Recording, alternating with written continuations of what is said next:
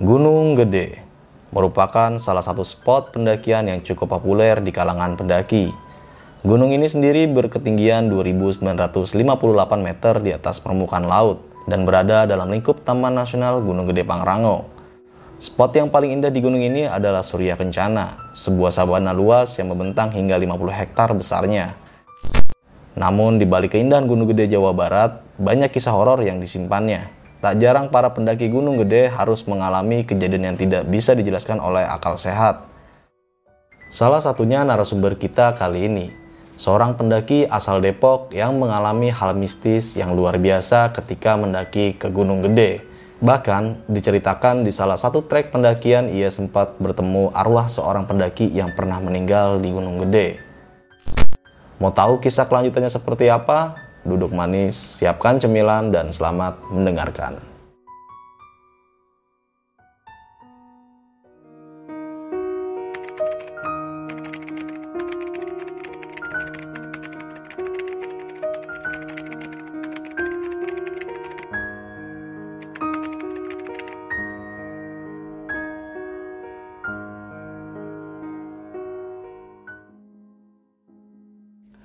Assalamualaikum warahmatullahi wabarakatuh Balik lagi di besok pagi Kali ini bareng gue Bang Mange Pria gemoy tanpa bahan pengawet Sebelumnya gue sangat berterima kasih banyak buat teman-teman semua yang udah mensupport, menonton dan mendengarkan besok pagi hingga sampai saat ini. Semoga teman-teman semua yang menonton selalu diberikan kesehatan oleh Tuhan Yang Maha Esa nih.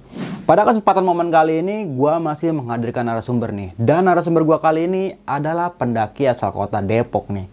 Oke, langsung aja nih kita sapa narasumber gua pada malam kali ini.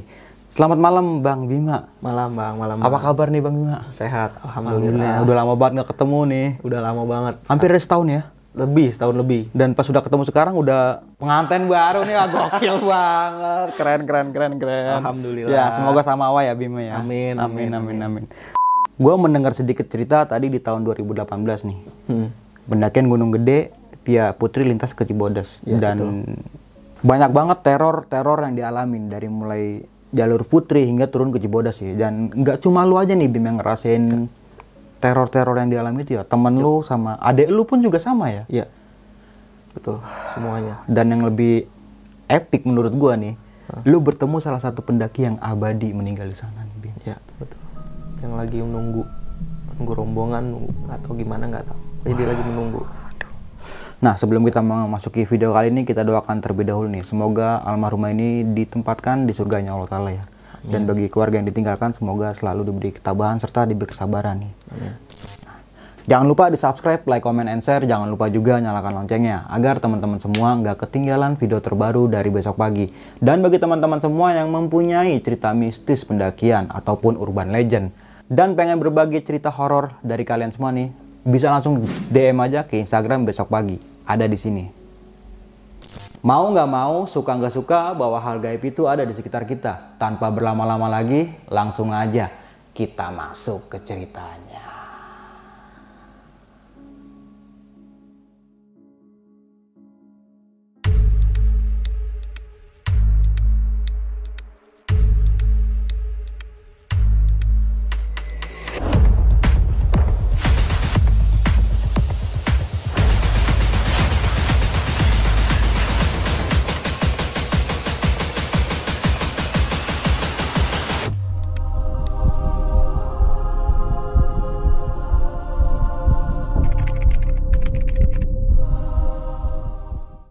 Jadi eh, kejadiannya ini yang gue alamin pada saat gue melakukan pendakian ke Gunung Gede ya bang, sekitar tahun 2018an, bulannya gue lupa nih. Itu gue rencana niatnya naik ke situ tuh emang mau ngajak eh, teman-teman gue gitu kan, sama adalah adik gue ke Gede gitu kan, emang pada mereka mau naik ke Gede nih, pengalaman buat pengalaman mereka naik. Karena gue pilih Gede gunung yang masih bisa didaki lah buat pemula gitu kan. Iya. Nah awalnya ya memang gak ada apa-apa nih, tapi pas gitu gua pulang kerja, gua kan eh, ngumpulin anak-anak nih, tapi kayak ada aja supaya gue buat nggak ke situ gitu, kayak dari ya entah ban gue bocor lah atau apa gitu kan. Akhirnya gue sampai malam, gue udah ditungguin sama saudara gue yang nganterin ke base camp. Sampai base camp, itu sekitar sebelum subuh. Jadi ya udah kita nggak tidur gitu kan. Di base camp setelah simaksi kelar semua gue naik lewat Putri. Ke jalur Putri via Putri. Di situ berangkat sekitar jam 7 setelah eh, registrasi selesai simaksi selesai gue naik lah. Naik pertama di tengah perjalanan itu ada aja gitu kendala. Gue lupa tuh di pos berapa. Pokoknya sebelum yang Gapura Gapura Gunung Gede. Hmm. Nah, di situ tuh kayak gue gue gue nggak pernah ya namanya naik gunung gue males kayak ngerasa males gitu kan. Eh kok jadi kayak males ya udahlah karena gue tanggung jawab bawa anak-anak juga gitu kan sama ada teman gue juga gitu kan ada cewek satu gitu. Ya udahlah gue harus semangat dong. Ada aja yang entah tiba-tiba eh, ada kayu jatuh terus or- temen gue kesleo gue bilang kayak supaya nggak buat nerusin tapi gue pikir ya udah terus aja gitu kan. Jalan-jalan lewat nyampe lah di Gapura. Mereka senang tuh semangat lagi. Dari Gapura lanjut lagi lah. Lanjut naik lagi. Mulai lagi. Kalau nggak salah se- sebelum pos pos bayangan kalau nggak salah. Gue nggak hafal masih belum hafal nama posnya. Sebelum pos bayangan yang kedua eh istirahat gue juga ngerasa lagi gitu kan. Karena memang ah gue pikir nih biasa kali gitu kan. Karena gue udah lama nggak naik juga. Bawaan males lagi bang. Bawaan males lagi. Terus eh, mereka jalan lagi ada yang seleo di situ. Nggak tahu kenapa katanya i- kayak ketarik kakinya sih kayak ketarik kayak ketarik. Tapi dia bilang kenapa? Kepleset gitu kan. Oh ya udah mungkin dia biar teman gue itu yang namanya si sebut namanya sih boleh kah? Boleh. si Fahri ini dia bilang kayak ketarik gitu dia bilang tarik apaan? Enggak sih enggak enggak gue kepleset kepleset gitu kan. Mungkin biar yang lain nggak takut juga ya ya udah gue urut jalan lagi jalan lagi jalan lagi. Gue ngerasa habis nggak jauh sekitar ya jarak 50 meter dari dia tiba-tiba tas gue berat. Gue udah nggak tahu pos berapa tuh. Pokoknya berat banget di tas gue perasaan tadi kayak tas gue nggak seberat ini. Ya udah pada nanya nih lu kenapa? gitu kan. Adek gue juga nanya lu kenapa mas? Enggak nggak apa-apa jalan aja. Cuman ngap doang capek gue gitu kan. Ya buat biar nggak takut juga lah takut mereka mikir yang enggak enggak namanya pertama kan gue naik lagi udah agak enteng nih. Ya udah gue sambil baca doa dalam hati agak enteng. Gue jalan lagi. Gue lupa di pos berapa istirahat lagi lah. Istirahat lagi sambil jajan gorengan gitu kan ada di situ. Gue ngeliat di belakang tukang gorengan itu kan ya hutan lah. Gue nggak tahu itu lupa di pos berapa. Gue mau ke situ gue bilang pak eh, numpang kencing ya gue bilang gitu. Karena gue ngerasa ada yang aneh aja di situ kan. Gue ke situ lah ngeliat lihat lihat lihat gue sempet bengong sempet bengong. Astagfirullahaladzim gue nyebut gitu kan. Kenapa? Karena gue kaget eh, kayak di sana tuh kayak ada yang lewat gitu kan. Pokoknya ada yang lewat gitu gue pikir orang atau gue pikir ah ada jalur nih. Ya udahlah gue nggak jadi lah. Ya udah gue balik lagi. Temen gue na- naik karena takut keburu kesiangan nyampe atas. Udah gitu sebelum pos 4 ya kalau nggak salah. Seingat gue tuh kan sebelum tanjakan itu teman gue yang cewek ini gitu kan dia tiba-tiba teriak tuh. Gue bilang aduh gue bilang gitu dia gitu. Gue di belakang gue kaget. Gue bilang kenapa? Terus eh, adik gue mas ini temen lu kata dia gitu kan. Kenapa? Gue samperin lah gitu kan. Gue lari tas gue gue tinggal di bodoh gue lari. Lu kenapa? Gue gituin kan. Nggak tahu tiba-tiba sakit di pundaknya. Gue lupa pundak sebelah tiba-tiba sakit kata dia emang kenapa? Sakit kali tasnya nggak bener. Enggak kok bener enak kok sebelumnya. Atau keganjel apa gitu kan. Pas gue nengok ke kiri gue itu ada kayak ngelewat lagi. Gue nggak tahu. Pokoknya ada kayak lewat. Tapi kok kalau gue bilang entah eh, babi hutan atau monyet Hmm. itu kayak orang lewat gitu gitu kan. Gue kaget gue bilang ya udah tungguin dulu sini gue gua susulin gue penasaran itu apaan. Gue bilang kalau memang orang ya siapa? Hmm. kalau memang bukan ya udah gue ngucap salam permisi gitu kan sama yang punya tempat. Terus gue balik lagi gue tanya lu kenapa? Gue bilang gitu sakit pundak gue kata dia.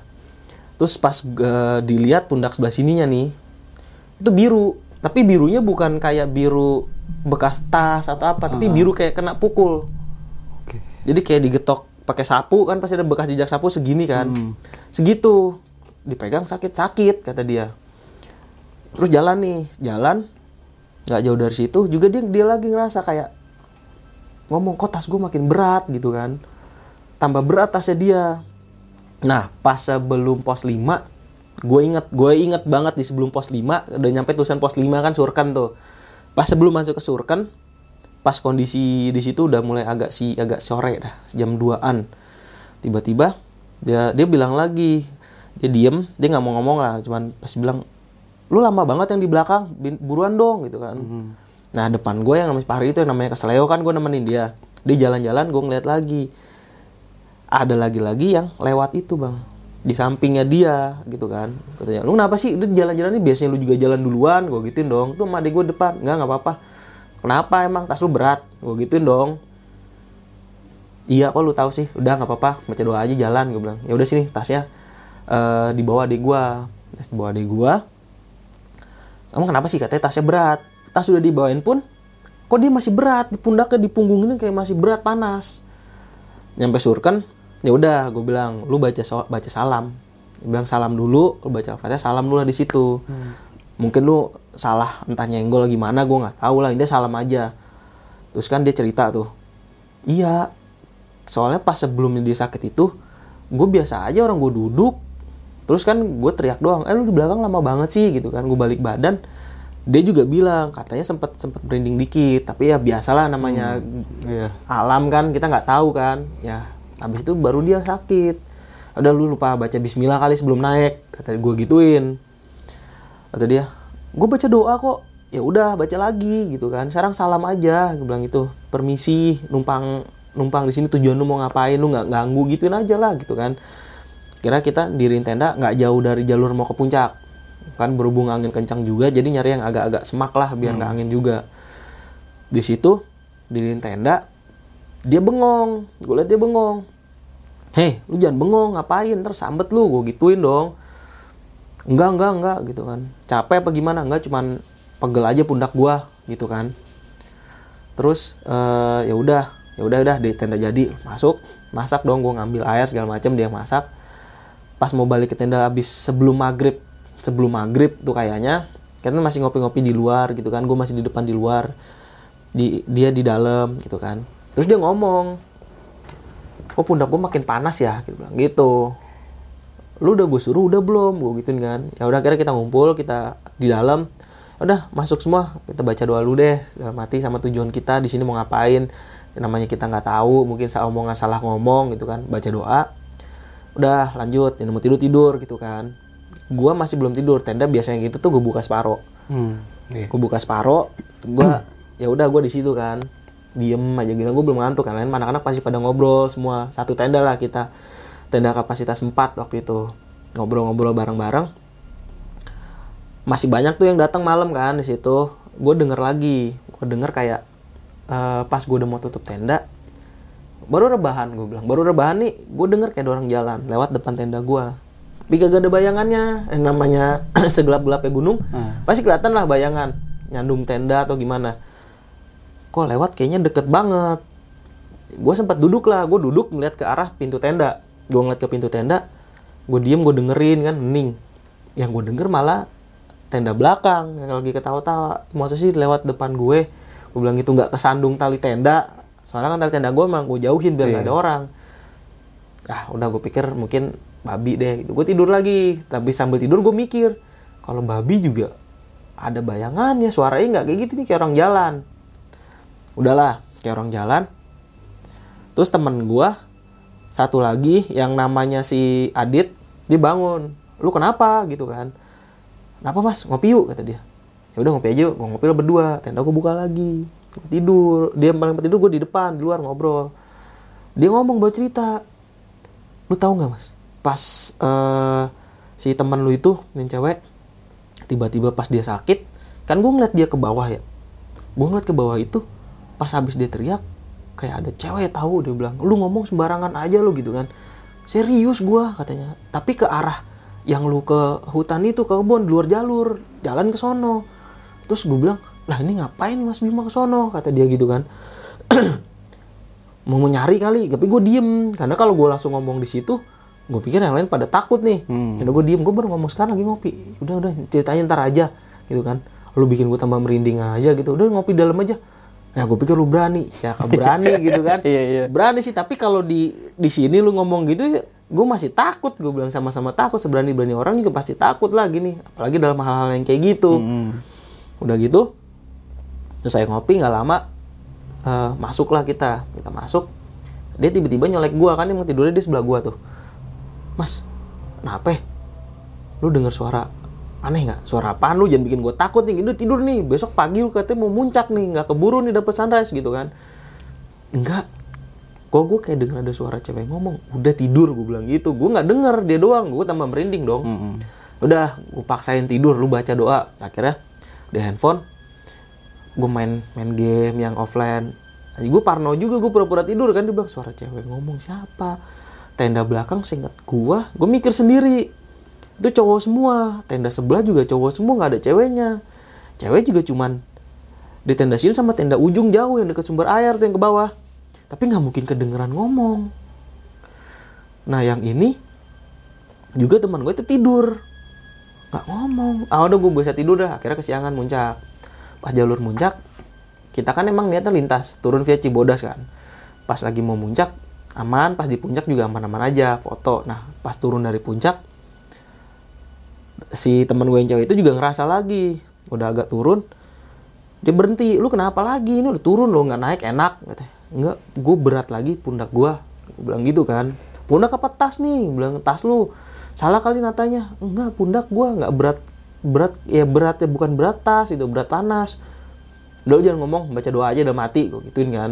Di jalan turun nah teman-teman gua yang adit sama adik gue itu pada duluan. Pada duluan itu karena mereka kan turun udah gue bilang lu tunggu gue di pos kandang badak. Gue bilang gitu kan. Tunggu aja di situ. Nggak jauh kok pos kandang badak jalurnya bener nggak ada nggak akan belok.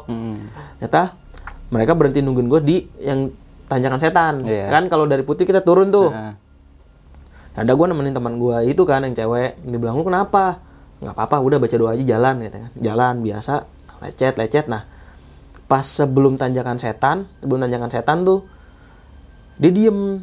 Terus tiba-tiba langsung astagfirullahaladzim. Gue denger orang nggak jauh gitu dia agak kencang ngomongnya. Gue bilang lu kenapa? Nggak itu orang apa babi sih lewat? Katanya tapi sebelah kiri.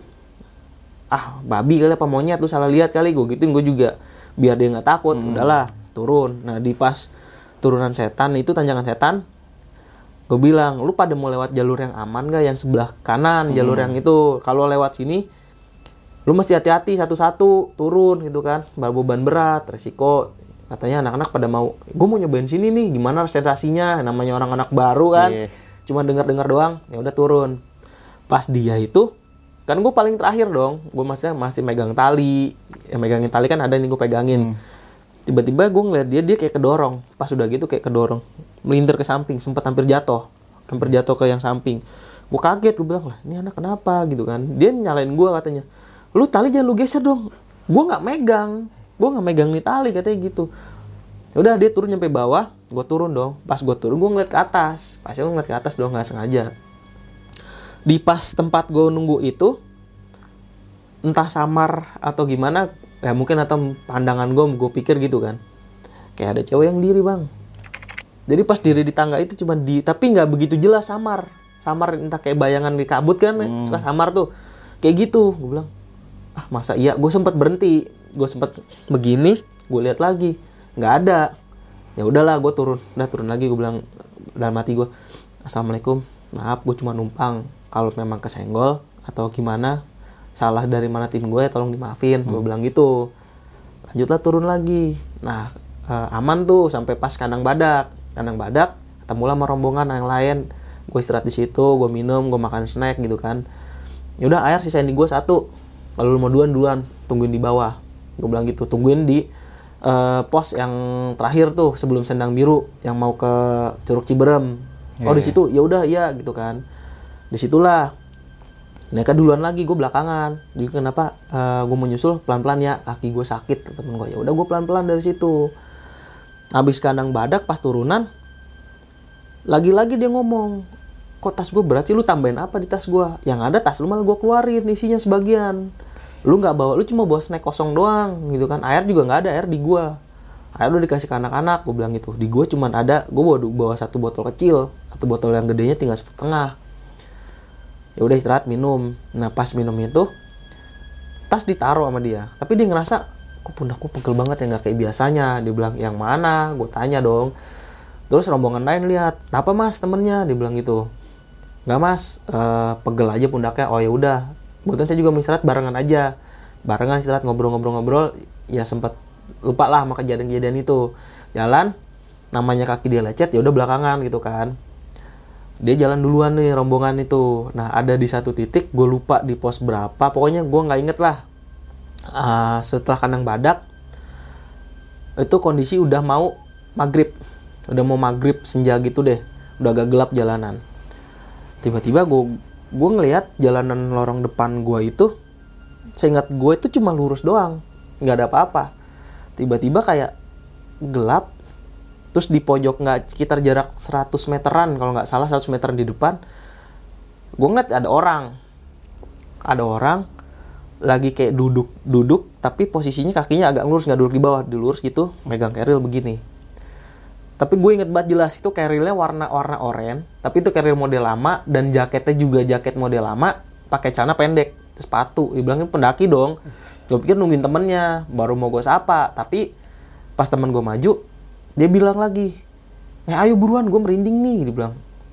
Wah nggak bener nih bukan orang berarti dong. Akhirnya udah gue bilang "Lu berhenti berhenti berhenti. Kenapa emang? Udah berhenti. Gue liatin lagi. Nah orang yang depan itu dari ekspresinya memang gue inget banget itu kayak dia lagi kayak nunggu orang.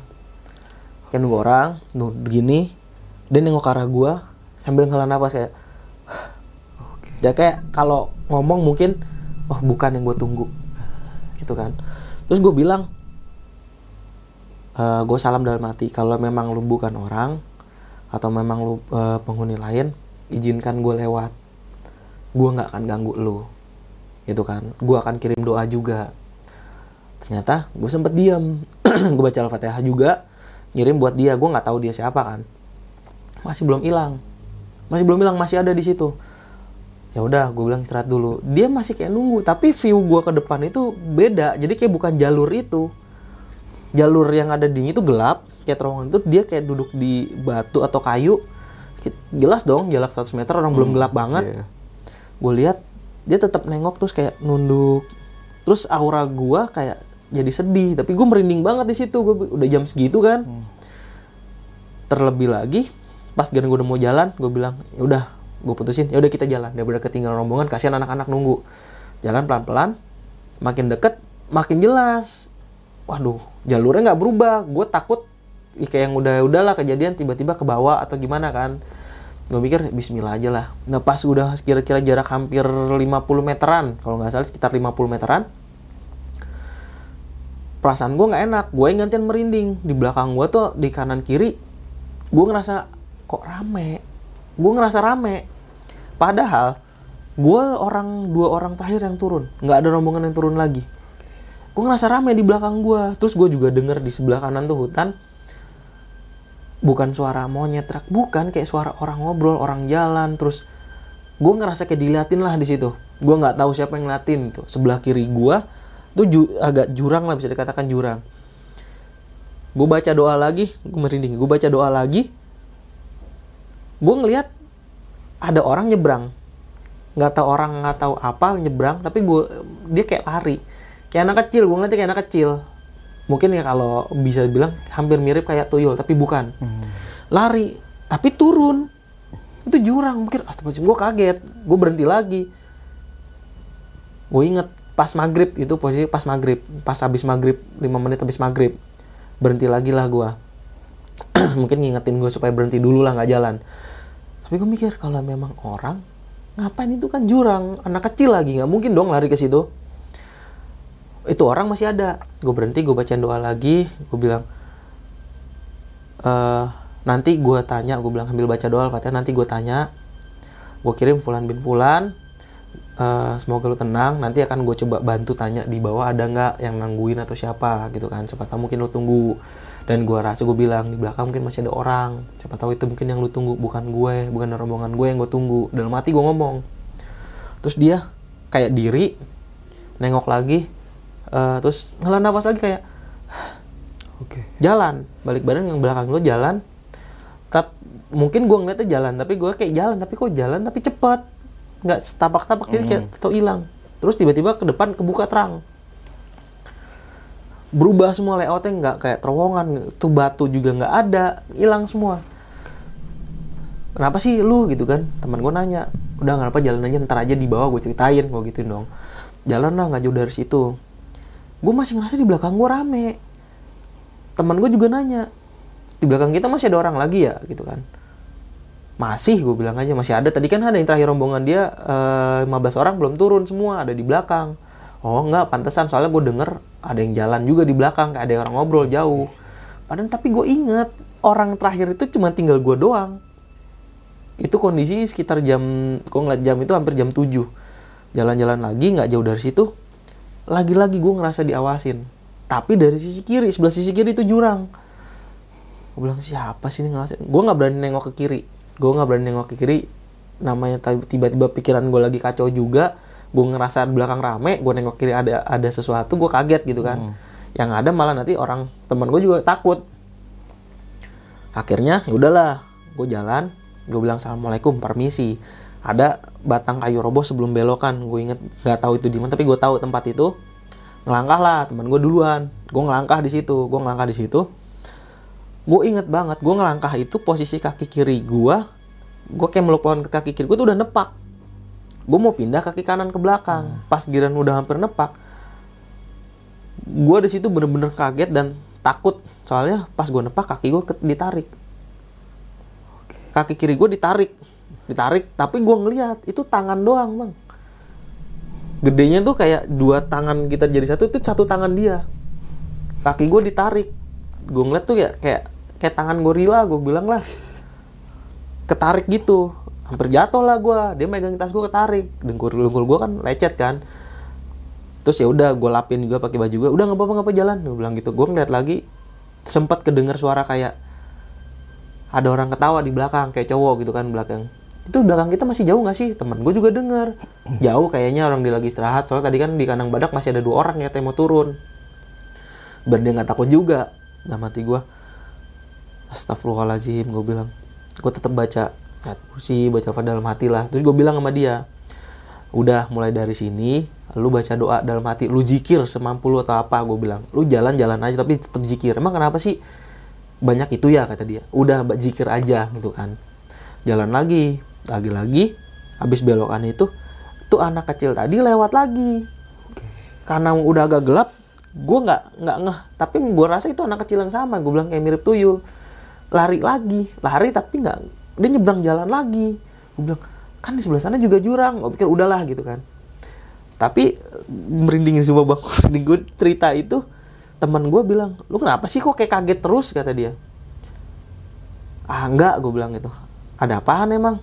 Nggak ada apa-apa udah jalan gue bilang gitu kan. Jalan turun. Terus turun eh, aman pokoknya nggak jauh dari situ gue inget banget ada air terjun. Nggak pokoknya sebelah kiri air terjun. Gue tahu gue nggak tahu tuh pos apa. Eh, pokoknya ada air terjun. Terus gue bilang kayaknya enak nih camp di sini nanti nih sama anak-anak gue bilang gitu. Apa sih lu ngomong sendiri ya? kata teman gue enggak enggak tempatnya enak aja gitu kan. Tapi pas gue lihat habis jalan gue nengok lagi refleks gue ketarik ke pengen nengok belakang. Gue nengok belakang terpaku sama satu batu di dekat air terjun itu gue denger air terjun tapi memang ada terang bulan juga kelihatan ya. Kayak ada orang di situ lagi main air anak-anak kecil. Gue pikir entah pikiran gue gimana gue pikir oh mungkin ada anak kecil lagi main. Gue nggak takut. Terus tiba-tiba gue denger kayak suara suara cewek lah gitu kan suara cewek ngomong di belakang gue nah gitu gue baru merinding gue jalan dong. Teman gue manggil udah yo keburu kemalaman nih gitu kan. Jalan lagi di situ. Setelah jalan dua lang tiga langkah inget banget gue langsung mikir ini udah malam nggak ada yang ngecamp di sekitaran situ. Kok gue ngeliat anak kecil di air terjun lagi main. Gue langsung merinding gue bilang udah jalan buru-buru buru-buru jalan. Gitu kan. Lu kenapa sih? Lu ngeliat apa? Lu kayak ngeliat kayak ngeliat setan lu katanya "Ush, kalau ngomong gue gituin dong. Jalan lagi jalan. Sampailah pas di eh, kalau sekarang dulu mungkin namanya pos pandang. Sekarang air terjun yang air hangat air panas tuh. Iya, Jadi air itu ya. panas itu ya. Nah sebelumnya kan itu gue main air dulu lah cuci kaki gue bilang gitu itu gue lagi-lagi denger masih denger lah suara anak kecil itu main. Padahal kan udah lumayan jauh tuh dari terjun. Anak-anak kecil kayak ketawa main air gue bilang astagfirullahaladzim gue bilang nih apa sih? Gue bilang gue ngapain sih? Gue gue nggak ngapa-ngapain gue nggak ngelakuin hal-hal yang dilarang kayak kencing sembarang juga gue nggak gue bilang gitu kan. Atau mungkin salah satu dari yang lain nih gue bilang ya udah gue baca lagi-lagi gue baca doa. Mohon maaf nih kalau ada sesuatu gue bilang gitu. Kalau udah yang salah di tim gue gue sebutin nama satu-satu mohon dimaafin mungkin mereka nggak tahu baru pertama. Ya udah dong. Habis pos pandang kalau kita turun sebelah kanan kan kayak ada bekas toilet tuh. Iya. di toilet tuh. Iya. di toilet temen sebelah kiri teman gue berhenti istilah capek pundak gue masih panas gue bilang gitu. Pegel banget gue dia bilang lu kalau ngomong nggak boleh ngomong gitu. Ya biarpun lu ini udah sering naik tapi kan nggak boleh ngomong gitu. Lu harusnya tahu dong gue gituin dong. Gue duduk entah kenapa gue ngeliat ke arah kamar mandi itu bang. Gue ke arah kamar mandi kan udah ketutup semua tuh sama rumput-rumput. Iya. gue ngeliat ini jelas putih cewek berdiri depan pintu kamar mandinya. Oke. tapi ngebelakangin gua kita berdua nih ngebelakangin kita berdua itu rambutnya panjang. Jelas banget. Tapi gue diem. Gue nggak bisa ngomong apa-apa. Gue nggak dengar temen gue ngomong manggil gue nggak denger dia cerita. Gue diem. Deg-degan dong gue merinding gitu kan. Terus dia berbalik badan muter ke arah kiri gue pikir dalam hati gue astagfirullahaladzim jangan nengok jangan nengok. Nengok gue nggak tahu nih gue bilang karena gue fokus. Jalan ke arah samping. Ke arah samping kamar mandi. Nah di situ dia lupa gue masih merinding bang. Balik badan madep arah gue terus tiba-tiba gue dicolek temen gue untungnya gue dicolek temen gue eh lu kenapa? Jangan sembarangan lu udah jam segini lu. Udah mau isa nih lu jangan udah mau isa nih. Lu jangan bikin gue takut. Enggak enggak gue ngeliat lagi itu cewek masih ada tapi nggak madep ke gue madep nyamping udah yuk balik. Buruan jalan yuk. Kasihan anak-anak nungguin gitu kan. Gue di situ masih merinding. Diri lah. Tapi gue masih sempat nengok kanan sempat nengok kanan ke arah si cewek itu diri. Gue ngeliat dia kayak terbang bang. Jalan tapi naik. Naik kan kalau jalan lurus nih. Heeh. jalan tapi agak nyerong naik. Gue bilang astagfirullahaladzim ya Allah ya Robi. Gue mikir gitu. Dah gue jalan nih. Jalan lagi nggak jauh dari situ gue ngelihat lagi sebelah kiri katanya sih gue dulu eh, info itu bekas ranger tempat rumah ranger hutan situ kan polisi hutan. Ada rumah. Terus dia bilang teman gue nih dulu katanya dia nih yang info yang gue dengar di bekas rumah. Ya gue juga pernah dengar gitu kan. Lu udah terbengkalai gitu kan Sebelum lanjut ke cerita, untuk kalian yang ingin menjadi narasumber di besok pagi dan mempunyai cerita horor dalam pendakian, kalian bisa kirim cerita kalian ke Instagram official besokpagi.idv atau melalui email besokpagi.ch@gmail.com. pas gue mau turun gue masih ngeliat lagi tuh ke arah itu. Jadi ada satu kaca itu lampunya kayak masih nyala bang. Terang. Terang gue mikir nggak mungkin dong nih terang tapi gue tetap diem tapi jalan pelan. Masih di- sempet kayak mau diem akhirnya dipanggil. Gue gue dengar tapi pandangan gue masih ke rumah itu. Tuh kayak ada cewek lewat. Di di kartu jendela yang terang itu gue liat cewek lewat jalan. Terus gue berhenti. Pas dia balik lagi tuh cewek dia nengok. Nah gue di situ merinding. Dia nengok nengok ke arah kiri kan posisinya di kiri gue di kanan dia ngeliat gini. Itu jauh. Tapi gue tahu kalau dia kayak gue ngerasa dia nengok. Terus dia kayak ketawa gue bilang nah gue sih langsung merinding gue bilang astagfirullahaladzim. Gue ngucek mata mati lampunya. Balik ke rumah kosong lagi yang udah rusak. Ya udah gue balik badan dong. Ayo lamaan lu nih buru pundak gue pegel gitu kan. Teman gue bilang duluan ya udah iya, iya, iya gue nyusul. Nah gue ngerasa pas gue jalan balik itu ada suara langkah dari rumah itu keluar. Jadi dari rumah itu keluar agak naik suara kayak langkah kaki gitu kan tapi gue merinding gue bilang astagfirullahaladzim ini apaan? Gitu. Gue pengen nengok belakang tapi gue bilang jangan nengok gue jangan nengok gue jangan nengok gue bilang. Nah habis itu nggak lama dapat ya 10 langkahan lah 10 langkah dari gue habis pokoknya mau turun nyamperin teman gue gue dengar suara suara kayak suara orang tapi kayak suara cowok gitu dari sisi kanan. Tapi kayak, bukan kayak ngom kayak kayak dehem gitu kayak kayak gitu. Gue nggak tahu itu dehem apa kayak gitu. Nah merinding lah gue gue sempat nengok dikit gini ke kanan dong. Ke belakang gelap. Nggak mungkin dong ada orang. Kalau di situ abis abis kayak kamar mandi itu kan udah tuh kayak hutan tanaman-tanaman gitu. Nggak mungkin dong ada orang di situ. Nggak mungkin juga ada kencing. Dan juga nggak mungkin tak nggak tahu kalau di situ tuh serem. Lu kenapa sih? Gitu kan. Lu ngeliat apaan gitu kan? Udah gue turun lagi. Nggak nggak ada apa-apa ya memang tuh teman gue yang cewek itu asal ngomong ya asal ngomong ya gitu kan. Lu merinding gak sih ngeliat rumah tadi? Gue merinding loh gitu kan. Dia bilang ya dikit sih gue bilang namanya rumah kosong pasti merinding apalagi sekarang udah jam tujuan habis sisa gue bilang. Jalan lagi jalan nggak jauh dari situ nih. Tiba-tiba dia berhenti lagi. Gue kaget gue tabrak dong. Namanya kan gue jalan masih nunduk kan berat gitu. Udah agak gerimis juga lu kenapa sih berhenti mendadak? Licin tahu jalanan bahaya. Gue bilang dan daripada nyusur lagi gitu kan. Enggak. Gue tadi di depan ngeliat kayak ada orang. Orang bukan sih tapi kok gue merinding kalau emang orang gitu kan. Gue ngeliat nggak ada apa-apa gue tanya emang lihat apa dan ntar aja di bodeh kata dia. Nggak lama jalan habis dia ngomong gitu gue kayak pengen ngeliat ke arah kanan kanan atas. Bilang itu kayak cewek yang sama di depan kamar mandi bang. Tapi kayak nggak tahu diri nggak tahu duduk tapi di di pohon. Gue bilang ya Allah gue bilang ini apa? Gue bilang ini malam apa sih? Gue bilang sampai gue naik kayak gini amat. Gue nggak bawa apa-apa gue nggak ngelakuin hal yang aneh-aneh gue bilang gitu. Ah nih jangan-jangan ini anak lagi dapet kali kan cewek tuh. Mau tanya tapi dia nggak bilang. Ntar aja lah di bawah gue bilang gitu. Karena kan pasti kalau kita bawa yang gitu baunya buat mereka kan wangi Iya, tuh buat benar. mereka kan gampang marahin gampang maranin. Ya udah gue jalan. Tapi gue nggak nengok atas gue nengok lagi. Gue cuma bilang assalamualaikum. Numpang lewat Gua bilang gitu. Gue nggak ganggu. Jalan lagi. Jalan lagi. Gue ngerasa di belakang gue rame lagi bang.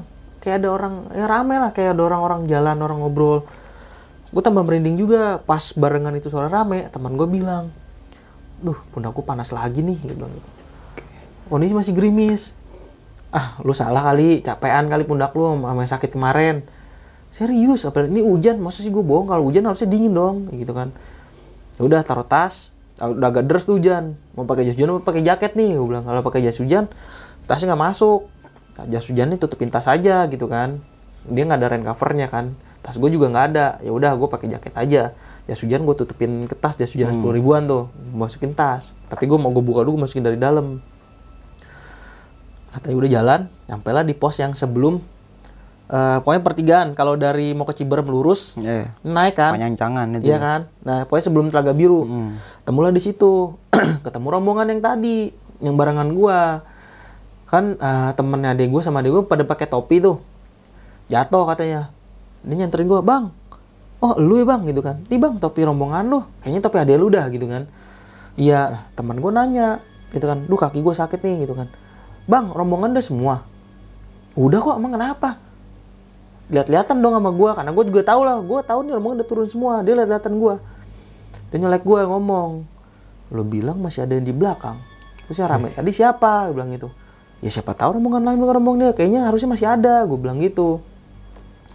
Gue nanya lagi dia malah nanya sama itu pas buka copot sepatu gue juga kan gue minum lah gue ngobrol sama yang lain dibikin kopi gitu kan.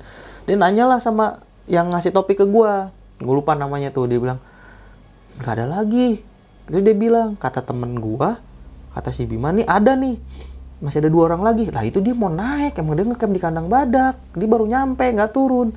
Gue bilang aduh salah ngomong. Maksudnya kenapa lu nanya ke dia Iya. biar dia nggak takut kan? Iya, iya. dia merinding dong nyamperin gue terus tadi suara yang rame di belakang kita siapa setan ya? Gua bilang lu kalau ngomong gitu pantasan gue merinding segala macam terus ngerasa kayak rame. Udah ngomong cerita ntar aja di bawah. Kalau habis kita kembaliin KTP di base camp bawah Hmm. base camp Cibodas gue bilang ya udah tuh ada ya bang turun nih keburu hujan deras gitu kan. Nggak pakai jas hujan gue dikasih lah jas hujan lagi buat gua gitu kan sama sama teman gua. Mereka bawa lebihan gue pakai lah. Ayo bang bareng gitu. Berhubung teman gua kan kakinya lecet pelan tuh jalan. Ya udah jalan kita ditinggalin tuh. Ya udah duluan aja bang nggak apa-apa. Daripada nungguin kita ntar lu ketinggalan temen lu soalnya kita beda arah. Hmm. masalah dia arah ada rombongan dia ada yang ke arah Bogor sama Bekasi. Udah barengan aja daripada nanti ditinggalin gitu kan. Kalau gue mah gampang gue udah ditungguin di bawah sama teman gue gue bilang. Oh yang tadi duluan ya? Iya. Nah mereka duluan agak jauh kan ke pos Telaga Biru tuh. Mm-mm. yang udah tau lah Telaga Biru ceritanya Iya. gimana kan. Pas mau Telaga Biru sekitar jam 9 kalau nggak salah. Agak lama istirahat di situ jam 9 jam 10-an di Telaga Biru. Kok tiba-tiba hujan jadi gelap banget suara. Hawanya tuh jadi kayak lembab nggak enak gitu. Pokoknya serem lah lembab gitu. Merindingnya beda. Terus dia ngomong-ngomong eh bentar lagi telaga biru gitu kan. Serem tahu telaga biru. Udah ceritain ntar aja gue bilang gitu. Tapi kata teman gue kita harus jalan. Udah ceritain ntar aja gue bilang. Masa belum lewat telaga birunya. Pas di telaga biru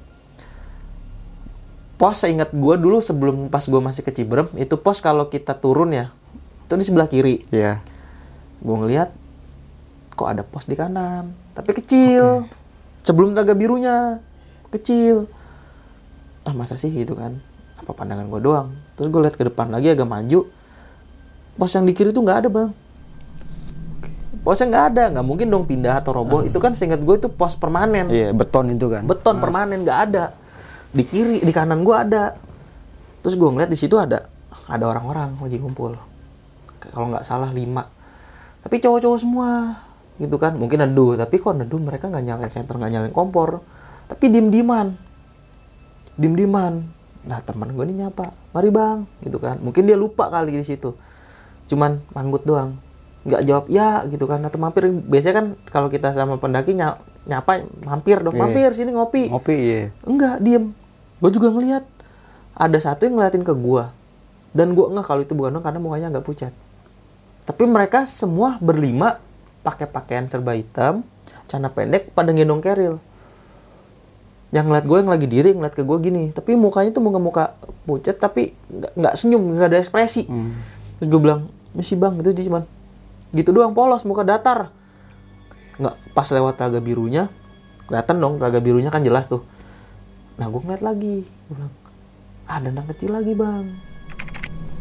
Tapi dia larinya masuk ke dalam arah nyebrang telaga biru tapi jalan di air gak mungkin dong. Iya. namanya kalau manusia pasti nyebur gue bilang wah ini udah nggak bener dah gue bilang. Udah jalan sambil baca doa assalamualaikum gue tetap ucap salam. Nah lewat telaga biru dong terus teman gue baru nanya "Eh, itu tadi cowok-cowok baru pada naik jam segini emang boleh ya kata dia gitu boleh kali mungkin dia neduh santai kali kan udah lewat pos maksi jadi di atas kan nggak akan dikontrol lagi terserah dia mau naik jam berapa mungkin entah mau ngecamp di nggak jauh dari situ kali nggak terjun yang di atas gue bilang gitu Nah habis gue ngomong gitu, lagi-lagi rame belakang gue kayak naik. Padahal gue tuh rombongan terakhir. Suara rame lah, orang kayak jalan rame gitu kan. Terus gue mikir, ya Allah gue bilang nih apa sih? Ini harus harus gue tanya ini. Terus di bawah pas ngumpul gue harus nanya nih anak-anak juga nih pada ngapain? gitu kan. Atau ada yang songong ngomongnya tuh niat nggak bener gitu kan. Kita, gue nggak tahu kan. Jalan-jalan lagi sempat berhenti karena benerin jas hujan. Itu gue pakai senter ya. Pakai senter benerin jas hujan yang di keril sama gini kan agak miring sobek.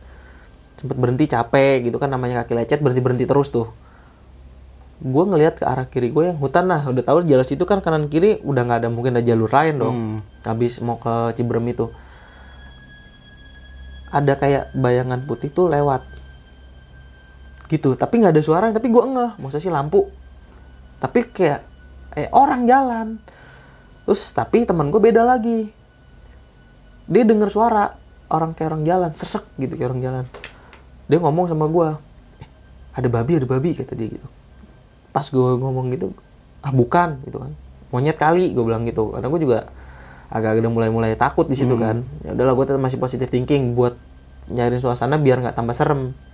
Tapi itu masih masih tambah gelap masih tambah gelap. Gue nggak ngeliat jam lagi gue udah oh udah nyampe bawah malam nih.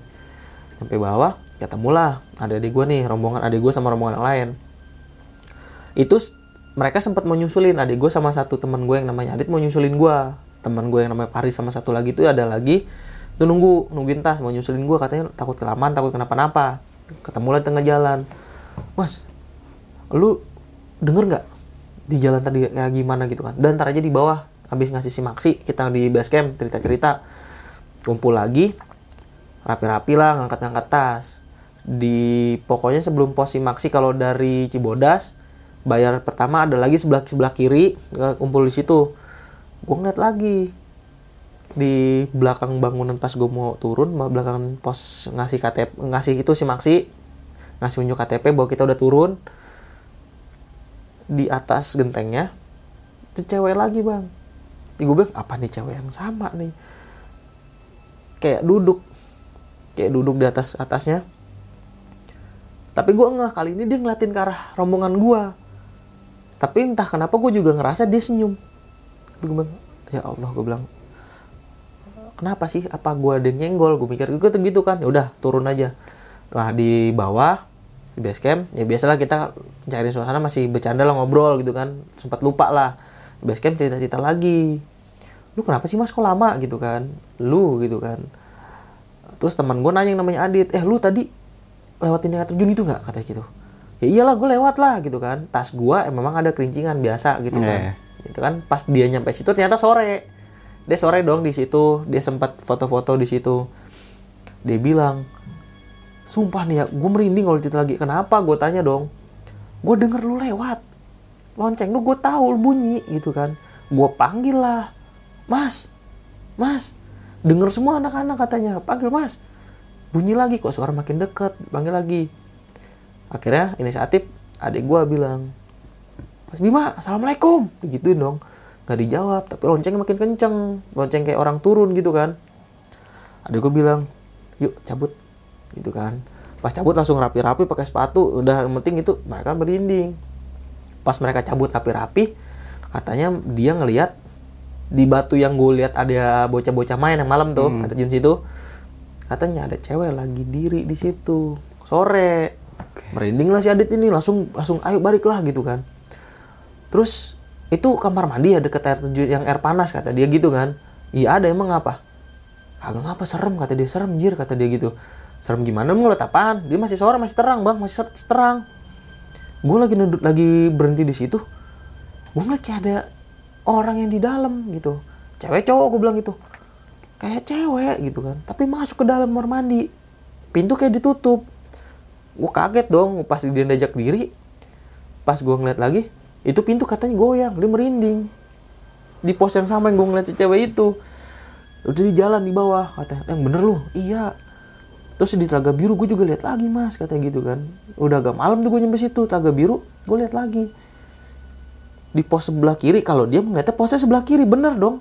Iya gue kaget. Hah kiri? Iya pos kiri. Posnya cat putih kata dia. Kalau gitu. Ada orang juga di situ. Kalau dia ngeliatnya bertiga cowok bertiga sama.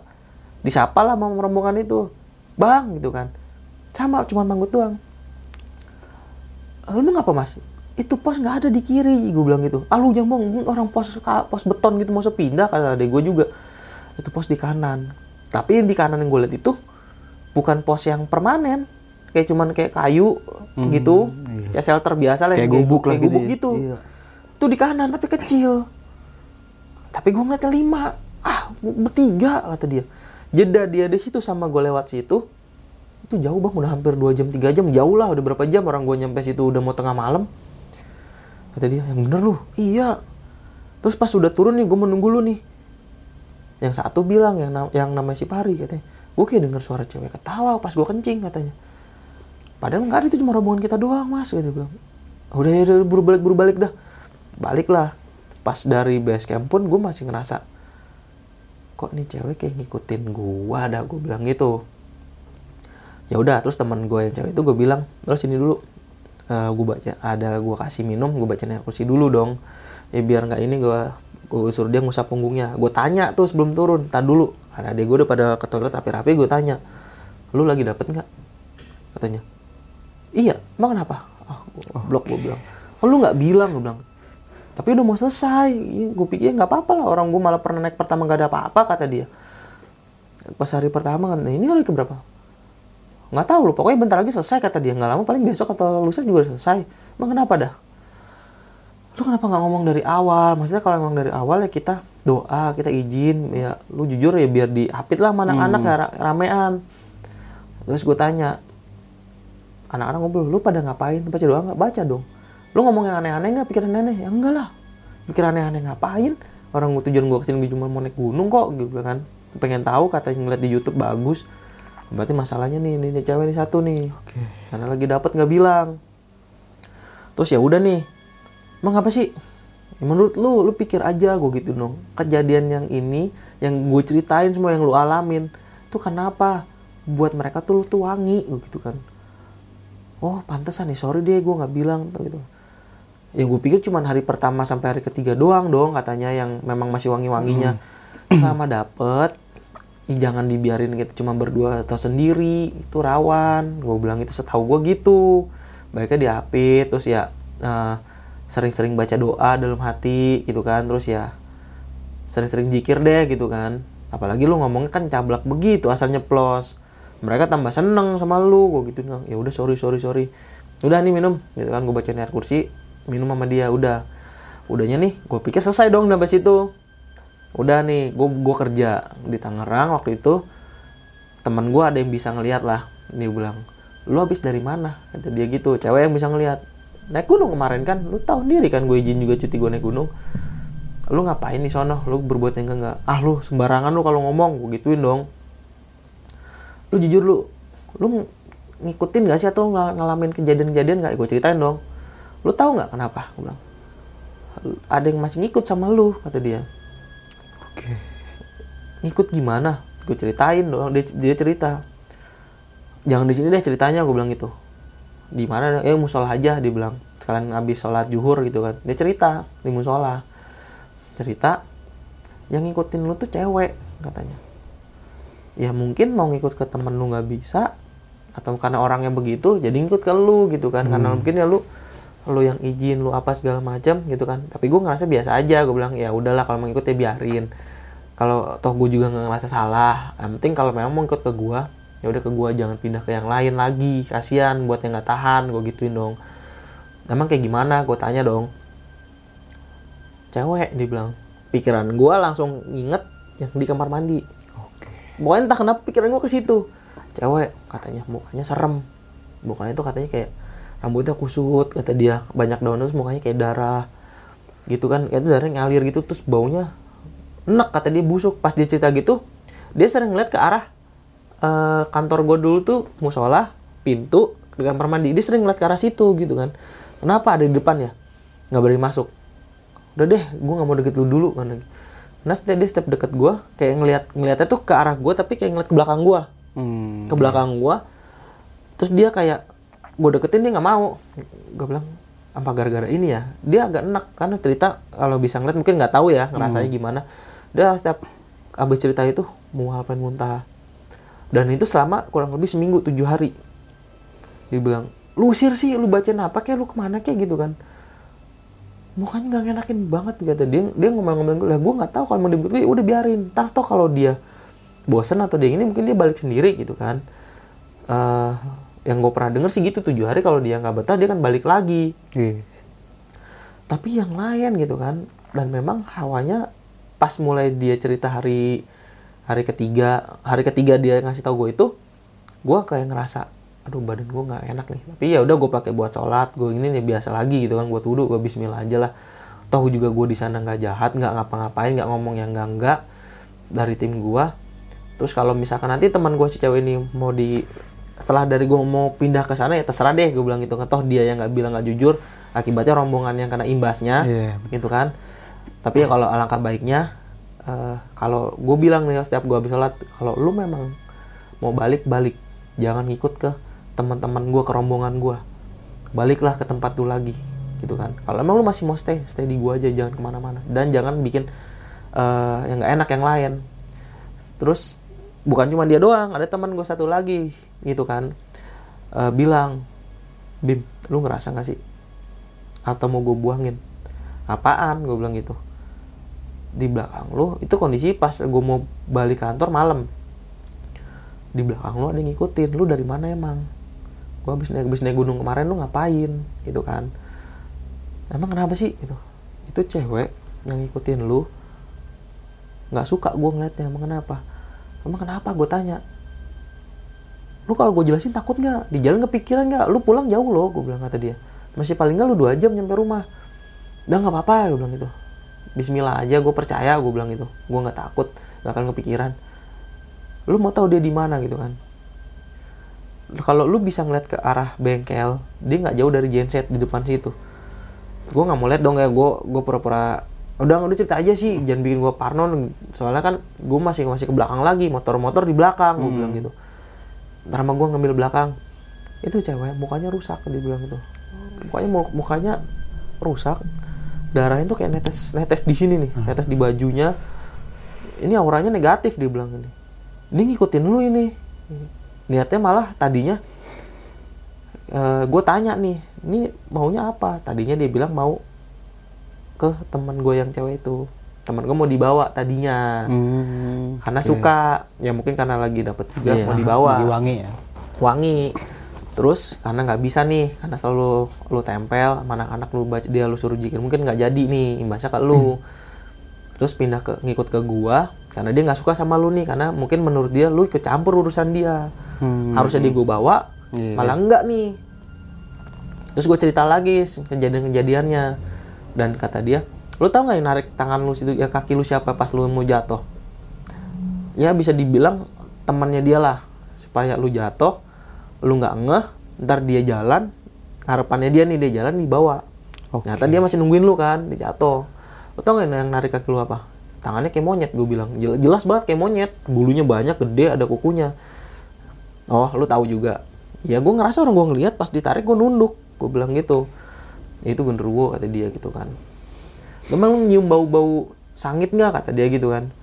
Pas abis ditarik udahnya sebentar sih gitu. Ngecium kayak bau ya kayak bau masakan gosong dah kata dia gitu. Gue bilang gitu kayak nah ya udah gitu. Tapi dia cuma di situ doang gitu kan. Terus dia, dia yang anak kecil lu lihat. Iya gue tanya itu siapa? Sering lewat terus. Aslinya kalau lu bisa ngelihat mungkin jelas lagi ya itu kayak tuyul dibilang gitu. Oke. Dia lewat ngeledekin lu. Hmm.